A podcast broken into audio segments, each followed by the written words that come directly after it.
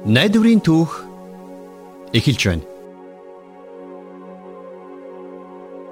Найдварын түүхийн өнөөдрийнхэн дугаараар бид хамтдаа Йосеф ба түүний ах нарын тухай өгүүлэх нэгэн сонирхолтой түүхийг сонсох болно. Энэхүү түүхийг бид Библийн Эхлэл номноос сэдэвлэн бүтээлээ. Яаков буюу Израиль нь 12 хүүтэй байсан. Ингээд Яаков үт настай болсон хойноо түүнд мэндэлсэн Йосеф химээх хинц хүүдээ хамгийн их хайртай байжээ. Тэмч учраас Израиль хүүдээ олон өн алгалсан гоёмсог урт дээлийг хийж өгсөн байна. Эцэг нь Йосефийг бусдаас илүү хайрладаг байсан учраас Йосефийн ах нар нь тэрэнд атаархаж тэрнийг үдзэн яддаг байсан. А гэтэл дайран дээрээс давс гихчээр ах нар нь өөрт нь сөвдөн өргөж байгаа тухай зүүдэлсэн зүүдээ Йосеф ах нартаа ярьсан нь тэдний дургүйг улам илүү хүргэсэн байна. Ингээд нэгэн өдөр Израиль 17 настай Йосеф хүүгээ ах нарыгаа болон мал сүргээ эргээд ир гэж явуулжээ. Харин тэрнийг ирж яваг харсан ах нар нь Йосефийг хөнөөхөөр хуйлдан ярилцсан. А гэхдээ эцэст нь тэрнийг хөнөөхийн оронд боолын худалдаачдад боол болгон худалдсан байдаг. Ингиж боол болсон Йосеф Египтэд хүргэгдэн иржээ. Харин тэрний Египт эзэн Потифар тэрний үнэнч итгэмжт байдлыг олж мэдээд гэр орныхон бүх ажлыг тэрэнд даалгасан юм. А гэвч харин Потифарын эхнэр Йосефийг өдөж уруу татах гэж оролдон уруу татлаханд нь автаагүй төлөө тэрнийг гүтгснээр Йосеф шоронд хаягдсан байдаг. Ингээд Йосеф хил сэргээр ял идэлж байна. Шоронд байхдаа Йосеф хааны хоёр зарцын зүүдний учрыг амжилттай тайлж өгдөг. Ингээ тэр цагаас хойш 2 жилийн дараагаар тэр хоёр зарцын нэг нь Йосефийн талаар Египтийн фараонд дуулгаснаар Йосеф Египтийн фараоны зүүдний учрыг тайлж өгсөн.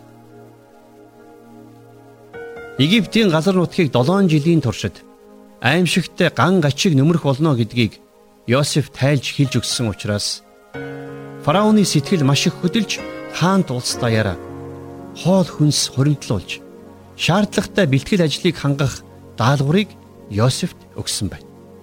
Ингээд урдаас хэлсэн ёсоор ган гачиг өлсгөлн нүүрлэж Йосефийн ах нар хүнс худалдаж авахаар Египт рүү ирцгээдэг. Тэнд тэд Йосефтай уулзсан ч гэсэн эхэндээ Йосефийг таниагүй. Харин хожим тэрнийг таньсныхаа дараагаар тэд нар маш их айдаст автан хөшиж орхижээ. Гэвч Йосеф тэднээс хариугаа авахыг хүсээгүй юм а. Харин ч тэдний үйлдэлсэн муу бүхнийг Бурхан сайнаар эргүүлэн ашигласан болохыг ах нартаа Йосеф тайлбарлан хэлж өгсөн байна. За ингээд энхүү болсон түүхийг Йосефийн ах Юда хэрхэн өгүүлэхийг одоо хамтдаа сонсцгоё хамгийн чухал нь үзэн ядалтын дунд Йосеф хэрхэн итгэл найдвараа алдалгүй тэн амьдарсан тухай Юда өнөөдөр бидэнд ингэж хүүрнэж байна.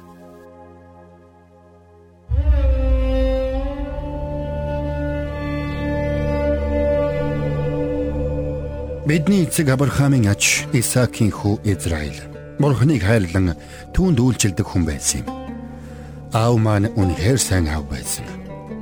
Гэхдээ зарим үед тэр Йосефийг хэтэрхийг онцолдог байсан нь бидний дургуг хүрэгдэг байлаа. Эцэг минь Йосефт өнг алгалсан гоёмсог урт дээл хийж өгсөн нь бидний атархлыг бүржих төрүүлсэн юм. Йосеф өөрөө ч үе үе ярих шаардлагагүй зүйлийг бидэнд ярьж гайхуулдаг байсан нь бидний үзен ядалтыг улам бүр дэвэргдэг байсан билээ. Хөөе чимээг болоо. Цаадагч нэг хүрээд ирлээ. Ах нараа өглөөний минь сайхан өглөө вэ шүү. Эц. Сайхан ач чадлаа. Чамдал сайхан байгаа. Өглөөний минь Йосеф. Сайхан амруу. Сайхан амрлаа юу даахаа. Аа. Гэхдээ би нэг сонин зүуд зүүдлээ. Зүүд ээ? Миний зүүдэлсэн зүүд гэвэл биднийг тариалангийн талбайд сүрэл боож өтөл миний боосон сүрэл босоод зогсчихд юм байна. За. Гэтэл үзэгтэн та нарын боосон сүрэл миний сүрлийг тойрон зогсоод түүнд мөрөгцгөөж байх юм. Наадах чинь юу гэсэн үг вэ? чи үнэхээр биднийг захирах болно гэж үү? Тийм л юм шиг байна. За за би явж аавд зүүдээ ярьж өглөө. Энэ муу эрхийн тэмгийгтэй. Богод алчмаар цалиггүй. Аав яхаар энэ муу гонцлоод бидний үл тоож байдаг байна. Тэр өдрөөс хойш хэд хоногийн дараа Йосеф бидэнд болоод аавд өөр нэг зүуд ярьсан нь байдлыг улам бүр дордуулсан юм. Бүгдээрээ сайхан амарцгаас нь намайг сонстоо. Би бас өөр нэгэн зүуд зүудлээ. Үзэгтэн нар сар бас 11 од надад мөрөгцгөөж байлаа. Чи хаашаа янзын зүуд зүуд яд байна вэ?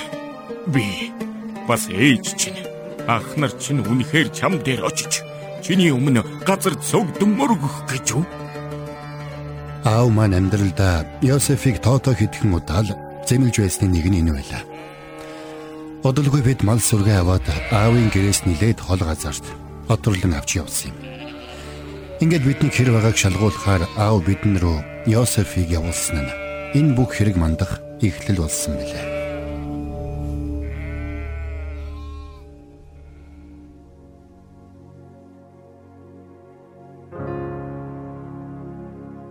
Найдварын түүхийг бидэнтэй хамт сонсож байгаа сонсогч танд баярлалаа. Түүх маань удахгүй үргэлжлэх болно. Яаков 12 хүүтэй байсан ч гүтэл настай болсон хойно мэндэлсэн Йосеф гэдэг хүүдээ хамгаас илүү хайртай байж. Эцэг нь Йосефийг бусдаас илүү хайрлаж, өнгө алгалсан гоёмсог урт дээлийг хийж өгсөнд ах нар нь тэрэнд атаархаж тэрнийг үдсэн ядах болсон.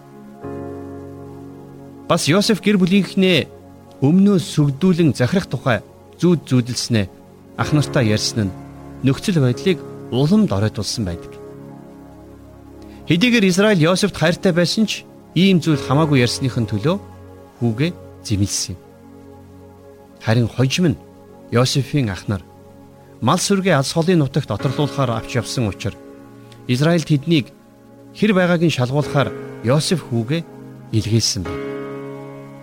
Эндээс түүх цаашид хэрхэн яаж өрнөхийг одоо хамтдаа үргэлжлүүлэн сонсцгоё.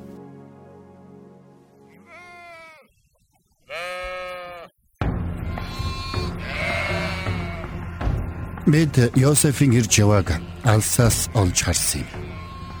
Аавын хийж өгсөн гоёмсог дээлийг өмссөн байсан нь тэмээнээс тэмдэгтэй харагдаж байлаа. Хараач. Өнөөх зүудний эзэн чинь ирж байна. Заавд цөмөрөө наашир. Түүнийг цогж алаад энэ нөхнүүдийн нэгэнд нь хаяад зэрлэг араатан түүнийг эзэн гэж хэлээ. Тэг тэг тэг тэг. Тэгэл нөгөө зүуд нь юу болохыг хайлтаа. Гэвч Рюбен Йосефийн амийг хэлтрүүлэхийг ядгсан учраас бид Йосефийн гоёмсог дээлийг нь тайлж аваад тэрнийг цөлийн гүн нүхэнд хаяж өргөсөн юм. Ингээд биднийг хоолоо идэж эхэлж байтал Ишмаилийн худалдаачид ойртон ирж яваа харагдлаа. Ах トゥ нараа Бид дүүгээ алж түүний цусыг нууснаар юу хожих юм бэ? Түүний оронд түүнийг Ишмаилчуудад худалдацгаая. Түүнд гар бүх хүрцгээе. Тэр бол бидний дүү. Нууч гэсэн бидний мах цусны мань тасархаа шүүтэй. Ишмаилчууд бидэнд 20 мөнгөний зоос өгч мэдж тэдэнд Йосефийг боол болгож худалдсан юм. Би танаас гойж шүү дээ. Намайг бидний цаастаа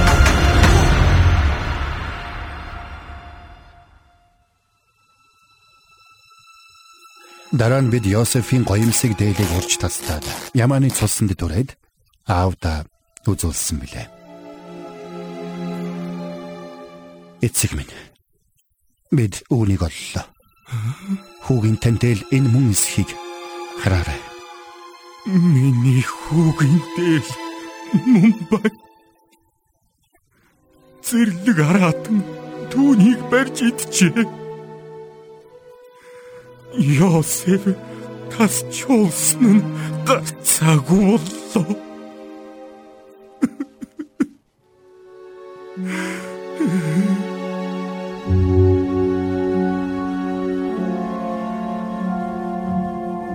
Эцэг минь хувцсаа урж тасдан таар нөмөрч олон хоног гашуудан уйлсан юм. Түүнийг энэ их ой гашуугаас хинж тайд харуулж чадаагүй юм нүдэн Йосефтэй уулзах хүртлээр гашуудлаа хизээж тайлахгүй гэж эцэг минь хэлсэн юм. Тэр зур Ишмаилчууд Йосефийг Египтийн фараоны хамгаалагчдын захирагч Патифар гэгчд худалдсан байлаа. Гэвч бурхан Йосефт амжилтыг саярхаж Патифар Йосефт гэрийнхэн бүх ажлыг бүрэн даатгсан юм. Йосеф маань биехаа тэгш сайхан ир болсон байлаа. Дэмэс Патифарын эхнэр түүнийг надтай унтаач гэж ятгах болжээ. Гэвч тэр бүрт нь Йосеф татгалзаж байлаа. Учир нь Йосеф Патифарт болоод эзэн бурхандаа үнэнч байхыг сонгосон юм.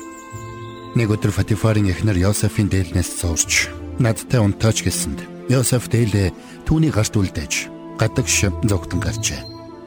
Уурлаж хорссон Патифарын эхнэр Йосефийг өөрийг нь хүчрхийлэх гэлээ гэж хүтгэж Патифарч Йосефийн үгийг сонсолгүй түүнийг барьж шоронд хорсон юм. Гэвч шорондч бурхан Йосефтэй хамт байсан учраас тэр шоронгийн ахлагчийн нүдэнд тааллыг олж бусад хоригдлуудыг харгалзах болжээ. Тэр үед фараоны талхчин сүнж хоёр Йосефийн байсан шоронд хоригдож таарч. Ингээд Йосеф бурханы тусламжтайгаар тэр хоёрын зөвлөсөн зүүдний цаад учрыг нь тайлж өгсөн байна. Талхчны зүүд нь түүнийг фараон цаазлах болно гэдгийг илтгэж байсан бол сүнчийн зүүд нь түүнийг фронт иргэн үйлчлэх болно гэдгийг зөгнж байсан гэж. Тиймээс ч Йосеф сүнчд хандан өөрт нь нэнжин сэтгэлээр хандаж фронт өөрийнх нь тухай дурдж өөрийг нь суллуулж өгөхийг гуйсан юм. Гэвч сүнч Йосефийн хүсэлтийг мартаж орхижээ. Гэтэл тэр цагаас хойш 2 жилийн дараа фараон нэгэн онцгой зүү зүүдэлснийг нь тайлж чадахын нэгч гарсангүй. Чухам тэр үед л сүнж шоронд мартагдж үлдсэн Йосефийг санджээ.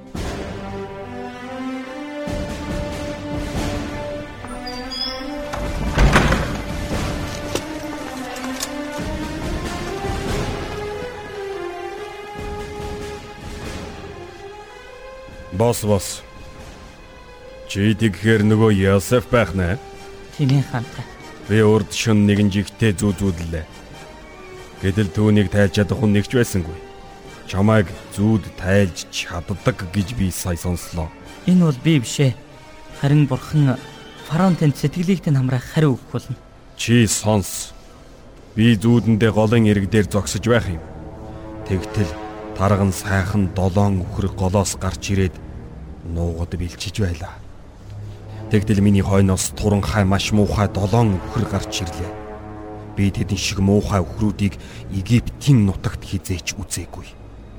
Гэтэл тэр туранхай муухай өхрүүд төрүүчийн долоон тарган үхрийг идчихлээ. Тэд түүнийг идсэн боловч юу ч идээгүй юм шиг урдын адил муухай хിവэрэл байлаа. Тэгээд би сэрчгсэн. Дараа нь би эргэж унтаад өөр нэг зүүд зүүдлээ. Нэг ишнээс долоон өтгөн сайхан тариан төрөө ургахыг зүүдэндээ харлаа. Тэгтэл түүний дараа дорны салхинд хатж ганцсан хорчхор нарийнхан долоон төрүү гарч ирлээ. Тэгээд тэр нарийнхан төрүүнүүд долоон сайхан төрүүгээ залгиж юм.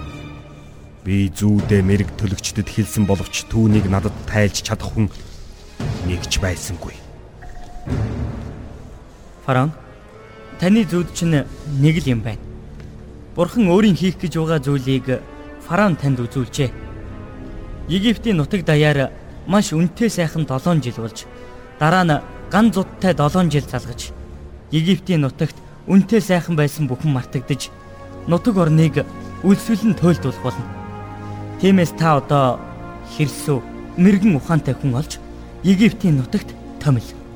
Фараон тийхүү газар нутагтай түшмдийг томилж үнэтэй сайхан 7 жилийн дотор Египтийн газар нутгийн ургацын 5-1-ийг хурааж эрх үнэтэй сайхан он жилүүдийн бүх ургацыг тэднэр хураалгаж үр тариагаа фараоны гарт мэдүүлж хүнсэнд зориулан хотуудад хадгалуул. Энэ ургацыг Египт нутагт болох гэж байгаа үлсгэлэнгийн 7 жил зориулан нутагтаа нөөцөл. Тэгвэл тэр газар нутаг үлсгэлэнгөөр сүрхэхгүй болно. Бурхны сүнстэй энэ мэт хүн бидэнд олдох уу? Яасеф. Бурхан энэ бүх зүйлийг чамд л таниулсан учраас Египт даяар чам шиг хэрсв. Мэргэн ухаантай хүн алга. Чи миний өргөөг захир. Миний ард түмэн бүгдээрээ чиний амаар байг. Би зөвхөн хаан ширээнд сууж байгаагаараа чамаас илүү байна. Эзэн минь Энэ мөчөөс эхлэн би чамд Египтийн бүх газар нутгийг захируулна.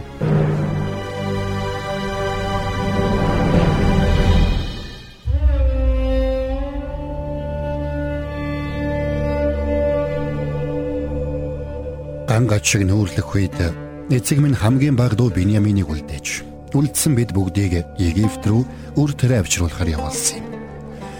Биднийг тэнд очсон хойно Йосеф биднийг тэр даруй таньсан ч бид түүнийг таньсангүй.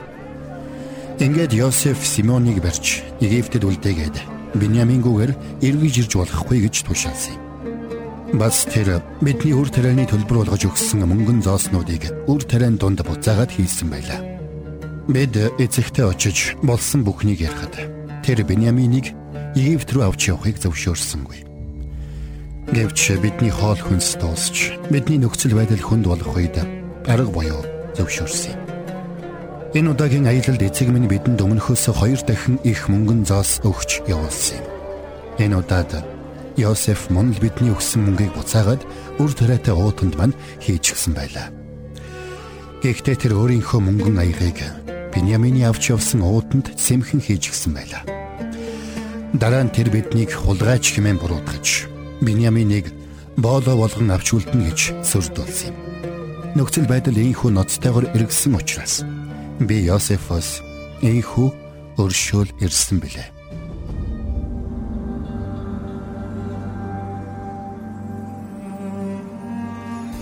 зарц намайг энэ хүүгийн оронд эзний зарц болгон үлдээж Түүнийг анх нартай хамт явуулаач. Тэр хүү надтай хамт байхгүй бол би эцэгтэй хэрхэн очих вэ? Эцэгт минь учрах гай завланг надад бүү харуулаач тэ. бүгдээрээ надаас зайлцгаа.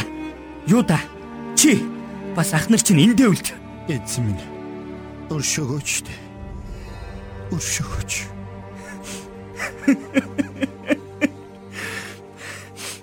Би Йосеф байна.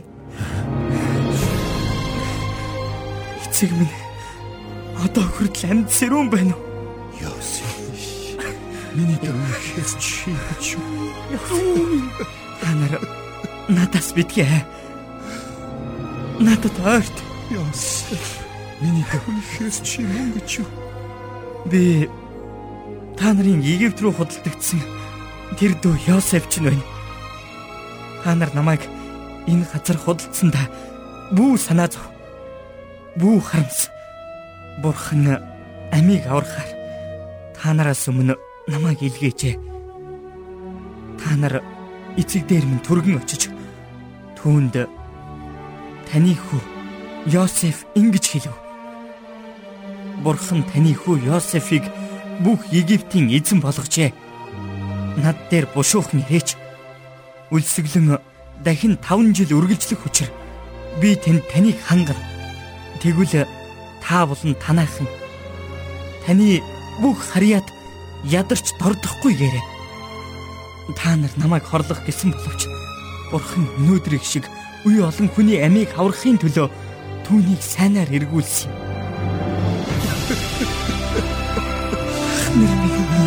Ингэж уус.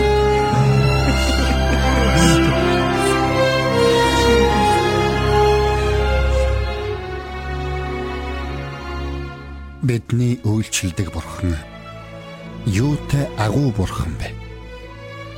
Өөрт нь хэрхэн хандаснаас минь болоод биднийг үдсэн ядаж биднийг хатуугаар шийтгэх бүрэн ирэх Йосефт байсан. Гэвч үүний оронд тэр биднийг хайрлаж биднийг уучлсан юм. Хамгийн гол нь бидний ёрын юм үйлдэлийг бурхан хэрхэн сайнаар эргүүлсэн болохыг тэр олж харж чадсан билээ.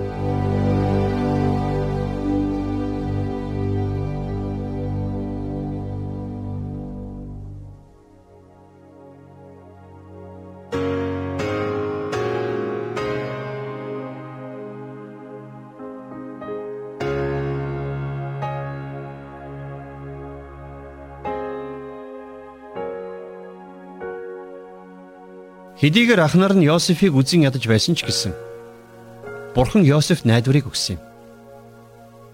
Амьдралд нь хийсэн Бурханы гайхамшигтай ажлуудаар дамжуулаад Йосеф аавда ах нартаа түгэр зогсохгүй тэр бус нутгийн бүх хүнд итгэл найдварын сувг болж өгсөн юм а. Дуулал номын 25 дугаар бүлгийн 2-оос 3 дугаар ишлэлдэр Бурхан минь ээ би танд л найддаг. Намайг ичхүр бүү болгооч. Дайснуудыг минь надаас болж бүү баярлуулаач. Таныг хүсэн хүлээгчдээс хинэнч ичхүр ис болно хэмээн бичигдсэн байна. Энэ үг юутай үнэн болохыг бид нар Йосефийн амьдралаас тодорхой харж болно.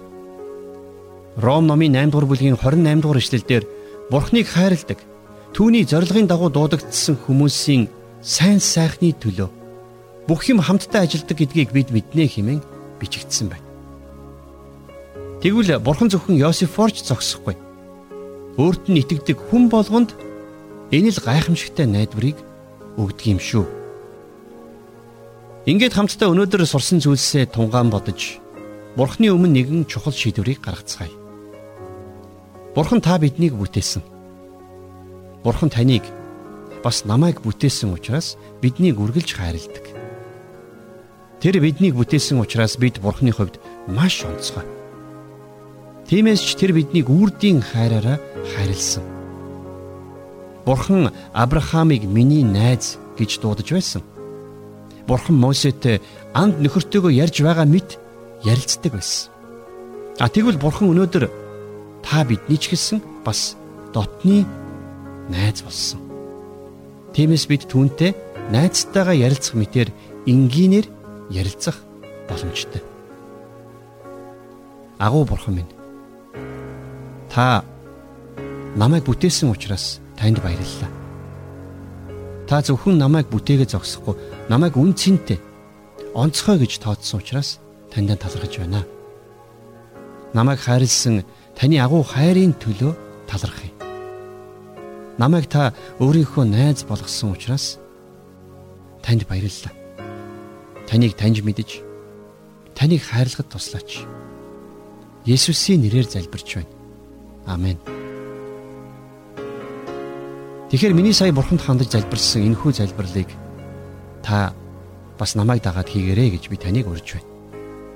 Мэдээж ингэж залбирахдаа та өөрийн чин зүрхнээсээ залбираарай. Агуу бурхан минь ээ. Намайг та бүтээсэн учраас танд баярлалаа. Та намайг бүтээгээ зогсохгүй. Намайг үн цэнтэй онцгой гэж тооцсон учраас танд талархаж байна. Намайг хайрлсан таны агуу тэр хайрын төлөө би талархаж байна.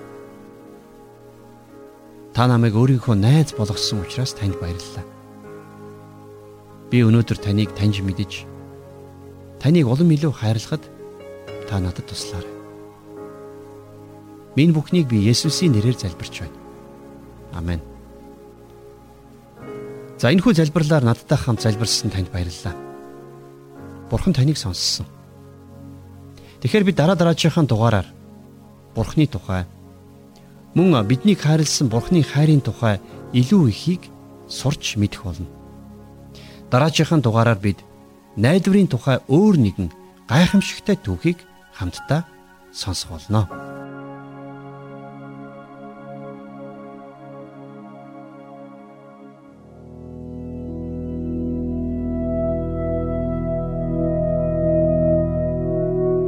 Радио драмтай хамт байсан сонсогч танд маш их баярлалаа. Ингээд сая сонссон драмтай холбоотой зарим нэгэн асуултанд хариулт авцгаая. Йосеф эцэг нь олон хүн галгалсан гоёмсог дээл хийж өгсөн. Энэ нь ямар утга илэрхийлж байсан юм бэ? За, Израилийн хүүдэ бэлгэлсэн тэрхүү өнгө алгалсан гоёмсог дээл нь Йосефийн гэр бүлдээ эзлэх онцгой байр суурийг илтгэж байсан юм. Тухайн цаг үед Давог олон өнгөөр будах нь нэн ховор тохиолдол байж л дээ. Тухайн цаг үед хончид ихэвчлэн цулгай бараан өнгийн хувцс өмсдөг байж тиймээс Йосефт эцэг нь тийм онцгой дээл хийлгэж өгсөн нь тэрнийг ах нараас нь илэрхий тусгайлан үзэж байгааг юм илрэл болж байсан юм. Ер нь ягаад Яаков Йосефийг бусад хүүгүүдээс илүү онцгойлон үздэг байсан юм? За Йосеф бол өндөр настай болсон хойно нь Яаковын хайртай эхнэр Рахелаас нь төрсэн хинц хүүхэд юм. Тиймээс Яаков Йосефийг бусад ахнараас нь илүү онцгойлж үздэг байсан. Гэвч бурхан биднийг аль нэг хүүхдээ бусдаас нь онцгойлж биш харин бүгдийг адилхан хайрлаасаа гэж л хүсдэг. Тиймээс эцэг эхчүүд бид Яаковын энэ алдааг давтахгүй байхын тулд хянамга байх нь маш чухал юм. Миний толгой иргэд байна л да. Йосефийн аавыг нэг бол Яаков гээд нэг бол Израиль гэж нэрлэдэг байх. Яг аль нэр нь зөв юм бэ? Хоёр нэр хоёулаа зөв. Яаков гэдэг нэр эцэг эхийнх нь өгсөн нэр. Яаков гэдэг нь өсхий буюу өрсөлдөгч гэсэн утгатай нэр. Яаковын ихэр ах Исавыг мэдлэхэд Яаков түүний өсхийн нүсэн зурсан байсан учраас эцэг эх нь түүнийг ингэж нэрлсэн байна. Харин хожим нь эзний тэнгэрлэгч Яаковд Израиль гэдэг нэрийг өгсөн юм. Энэ нэр нь бурхан захирдаг буюу бурхантай өрсөлдөгч гэсэн утгатай нэр юм. Эзний тэнгэрлэгчтэй уулзсан тэр уулзалт нь Яаковын хувьд эргэлтийн цаг нь болсон юм. Тиймээс Яаковын үр удмыг үүнээс хойш Израилийн үр удам буюу Израильч шууд гэж нэрлэх болж Өнөөгийн Израиль улсын нэрч мөн эндээс үүдэлтэй. Йосефийн ах нар яагаад түүнийг үзий ядсан юм бол? За тэдний эцэг Яаков Йосефийг тэднээс илүү онцгойлон хайрлаж байсан учраас тэд Йосефт орсон байдаг. Йосеф ч нас баг байсан учраас бодлогогүй зан гаргаж зүүдэлсэн зүүдэрээ сайрхаж ах нарынхаа дургуг хүргэсэн байдаг. Бас Йосефийн ах нар нь Йосефос нилээд олон насны зэрүүтэй байснаас гадна тэд Йосефос их ондоотой байсан. Энэ бүх шалтгааны улмаас тэдний хоорондын харилцаа муудаж улмаар ноцтой үр дагаварт хүргэсэн байна. Йосефийг гэр бүлийнхнийгаа захирах болно гэсэн утгатай зүүдийг бурхан үнэхээр түнд өгсөн гэж үү? Тийм ээ. Бурхан зүүдээр нь дамжуулж Йосефт ирээдүг нь харуулсан юм. Хэдийгээр Йосеф ах нарынхаа үзэн ядалтын бай болж байсан ч тэрэнд хандсан агуу төлөвлөгөө байгаа гэдгийг бурхан түнд мэдүүлсэн нь энэ байсан. Гэхдээ Йосефийг зүүдээ гэрийнхэндээ ярьж зүүдээрээ сайрхаж гэрийнхнийхээ дургуг хүргээсэй гэж бурхан хүсээг үн мэдэж. Йосеф нас баг зан чанарын хувьд төлөвшөөгүй байсан учраас ийм зүйл хийсэн нь тэрний буруу байсан. Үүнээс болоод ах нарынх нь үзэн ядалт бүр ихээр дөрлөдсөн байдаг. Бурхан ер нь үнэхээр зүүдээр дамжуулж бидэнтэй ярьдаг гэж үү? За тухайн үед бурхан хүмүүстэй зүүдээр нь дамжуулж ярих тохиолдол цөөнгүй байсан. Ягаад гэвэл тэр үед бурхны үг өнөөдрийнх шиг цаасан дээр бичигдэж буугаагүйсэн. Зөвхөн Йосефер зогсохгүй. Йосефоос хойш маш олон жилийн дараач бурхан иш үзүүлэгч Даниэлд зүудний учрыг тайлах чадварыг өгсөн байдаг. Бас бурхан Даниэлтэй зүуд үзэгдлэр дамжуулж ярьж байсан. Хэдийгээр өнөөдөр бурхан бидэнтэй зүудээр маань дамжуулан ярих боломжтой ч бидний гар дээр бурхны үг болох Библи нэгэнт бэлэн байгаа учраас заавал тэгэх шаардлагагүй. Нөгөө тэгвэр бид янз бүрийн шалтгаанаар янз бүрийн зүуднүүдийг зүудэлж болно. Тиймээс зүуд бүрийг бурхнаас хүнтэй ярьж байгаа хэлбэр гэж ойлгох нь буруу юм. Бурхны үг болох Библиэд хэлэхдээ эрт үед иш үзүүлэгчдээр дамжуулан эцэг өвгдөд олонтаа бас янз бүрийн замаар айлдсан бурхан эдгээр эцсийн өдрүүдэд бүхний өвлөгчөөр томилсон ертөнцийг бүтээсэн хүүгийнхээ дотор бидэнд хандаж хэлвэ гэсэн байдаг. Ахнар нь Йосефийг гүн нүхэнд хайж дараа нь түүнийг боол болгон худалдах хатуу сэтгэлийг яаж гаргаж ядаж байна.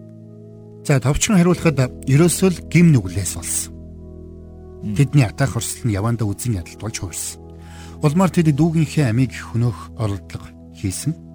Эцэст нь дүүгээ эргэж ирэхээргүй газар руу боол болгоод худалдсан. Библиэд хэлэхдээ харин тачаалдаа автаж татагдахдаа хүн бүр уруу татагддаг. Тэгээд тачаал нь үр тогтоон нүглийг төрүүлдэг. Нүгэл нь гүйцэд болохоор үхлийг гаргадаг ажээ гэсэн байдаг. Тиймээс бид өөрсдийнхөө бодол санаа үг болоод үйлдэлийг маш сайн хинж байх нь чухал юм. Хэрвээ бидний дотор хэн нэгэн хүний эсрэг ямар нэгэн ёрын юм уу бодол сэтэл байгаа бол тэр ёрын юм уу бодол маань гимт үйлдэл болж хувирхаас өмнө бурхнаас уучлал өршөөлийг гуйна. Тэр бодлоос салах нь маш чухал юм. Йосеф Египтийн шоронд яг яагаад хаягдсан болохыг надад дахиад нэг яриад өгөөч. За Йосефийг ахнараас нь худалдаж авсан худалдаачид Египтэд очиод тэндээ Йосефийг фараоны хамгаалтын захирагч Потифар гэгч хүнд худалдсан. Гэвч Йосеф хүнд хэцүү нөхцөл байдал дундаа бурханд итгэж сурсан байсан. Тиймээс ч Йосеф Патифарын дор маш сайн ажилласан. Улмаар Патифар түүнд гэр орон эд хөрөнгө бүхнээ бүрэн даатгсан байдаг. Бурхан Йосефтэй хамт байсан учраас Патифарын гэр оронч мөн өрөөгдсөн. Гэвч Патифарын эхнэр Йосефтэй унтахыг хүсч тэрнийг уруу татах гэж оролдсон байдаг. Удаа дараа ийм зүйл болсон ч Йосеф дахин дахин дахин дахин татгалцаар байсан. Йосеф түнд би яаж ийм ёрын муу хэрэг хийж бурхандаа нүгэл үлдэх вүлээ гэж хэлсэн байдаг. Ингээд нэг өдөр Потифарын ихнэр Йосефийн дээлнээс нь зууран шалсанд Йосеф гарт нь дээлээ орхиод зогтон атсан байна. Харамсалтай нь тэр эмэгтэй гарт нь үлдсэн Йосефийн дээлийг эд мөрийн баримт болгож Йосеф өөрлөө нь халдсан гэж гүтгсэн учраас Потифар эхнэрийнхээ үгэнд ороод Йосефийг шоронд хайсан байдаг. Энэ тухай Библиэд бичигтэй. Хөлийг нь тэд дөнгөнд оруулж, өөрийг нь төмрөөр гинжилсэн гэсэн байдаг. Йосеф шоронд хэр удаан байсан юм бэ? Үүнийг бид нарийн тодорхой мэдэхгүй. Ямар ч баггүй жилиг шоронд өнгөрөөсөн байх ёстой. Йосеф анх боол болоод хөдөлгдөх үедээ 17 настай байсан бол 30 настайгаас Фроны төлөө зүтгэж эхэлсэн байдаг. Тиймээс Потифарт үйлчилсэн болоод шоронд өнгөрүүлсэн жилүүдийг нь нийлүүлвэл нийт 13 жил болж байна. Ямар ч тэр бүх хугацаанд Бурхан Йосефтэй хамт байсан. Түүний шоронд байсан он жилүүдийн тухай өгүүлэхдээ Библиэд эзэн Йосефтэй хамт байж түүнд инэрл хайр үннээр хандж тэрээр шоронгийн ахлагчийн нүдэнд тааллыг олжээ гэж бичигдсэн байдаг. Биньямин гэж хин юм бол За Биньямин бол Яаковын хайртай эхнэр Рахелаас төрсэн Йосефийн төрсөн дүү. Йосеф зүүдний утга учирыг яаж тайлдаг байсан юм бол? Йосеф өөрийн хүчээр зүүдийг тайлаагүй харин Бурхан түнд ийм чадварыг өгсөн. Ахнар нь Йосефийн өмнө зогсох үедээ түүнийг таниагүй. Яагаад? За яагаад гэвэл мэдээж тэд тэнд Йосефтэй уулзна гэж ерөөсө төсөөлөөгүй байсан. Хамгийн сүүлд 17 настай Йосефийг харснаас нь хойш 20 жил өнгөрсөн байсан. Йосефийн царай зүс бие махбодж энэ хугацаанд нилээд өөрчлөгдсөн байсан нь гарцаагүй. Тэгээд ч Йосеф захирагчийн ёсоор хувцалсан байсан учраас Египт хүнээс ердөөсөө ялгагдахгүй байсан болов. Өөрийг нь боол болгон худалдсан ахнараа Йосеф яаж уучлж чадсан байна? Би лав оронд байсан бол чадахгүй. Хэрвээ Йосефийн оронд байсан бол би ч бас юу хийх байснаа мэдэхгүй л байна. Надад ч бас анхнараа уучлахад маш хэцүү байх байсан байх. Гэвч Йосеф бурхантай маш ойр нэгэн байсан. Өөрийг нь Египт рүү авчрах нь бурхны төлөвлөгөө байсан гэдгийг тэр ухаарсан байсан. Тиймээс ч тэр ах нарынхаа үзэн ядалтыг давж тэднийг уучилж чадсан байдаг. Үүнийг бид Йосефийн ах нартай хэлсэн Та нар намайг хорлох гэсэн боловч Бурхан өнөөдрийн шиг үе олон хүний амийг аврахын төлөө түүнийг сайнаар эргүүлсэн юм а гэсэн үгнээс тодорхой харж болно. Биднийг өөрсдөд маань муу гүйлцсэн хүмүүсийг уучлаасай гэж Бурхан хүсдэг. Тиймдээ ч Есүс бидэнд бид өртөнгүүтээ уучлсны адил бидний өрийг мөн уучлаач гэж залбираараа хэмээн зааж өгсөн. Бурхан биднийг уучлсан. Тиймээс бид ч бас бусдыг уучлах ёстой юм шүү. Сонирхсан асуултанд минь хариулсанд маш их баярлалаа. Дараагийн дугаараар иргэ уулзцгаая.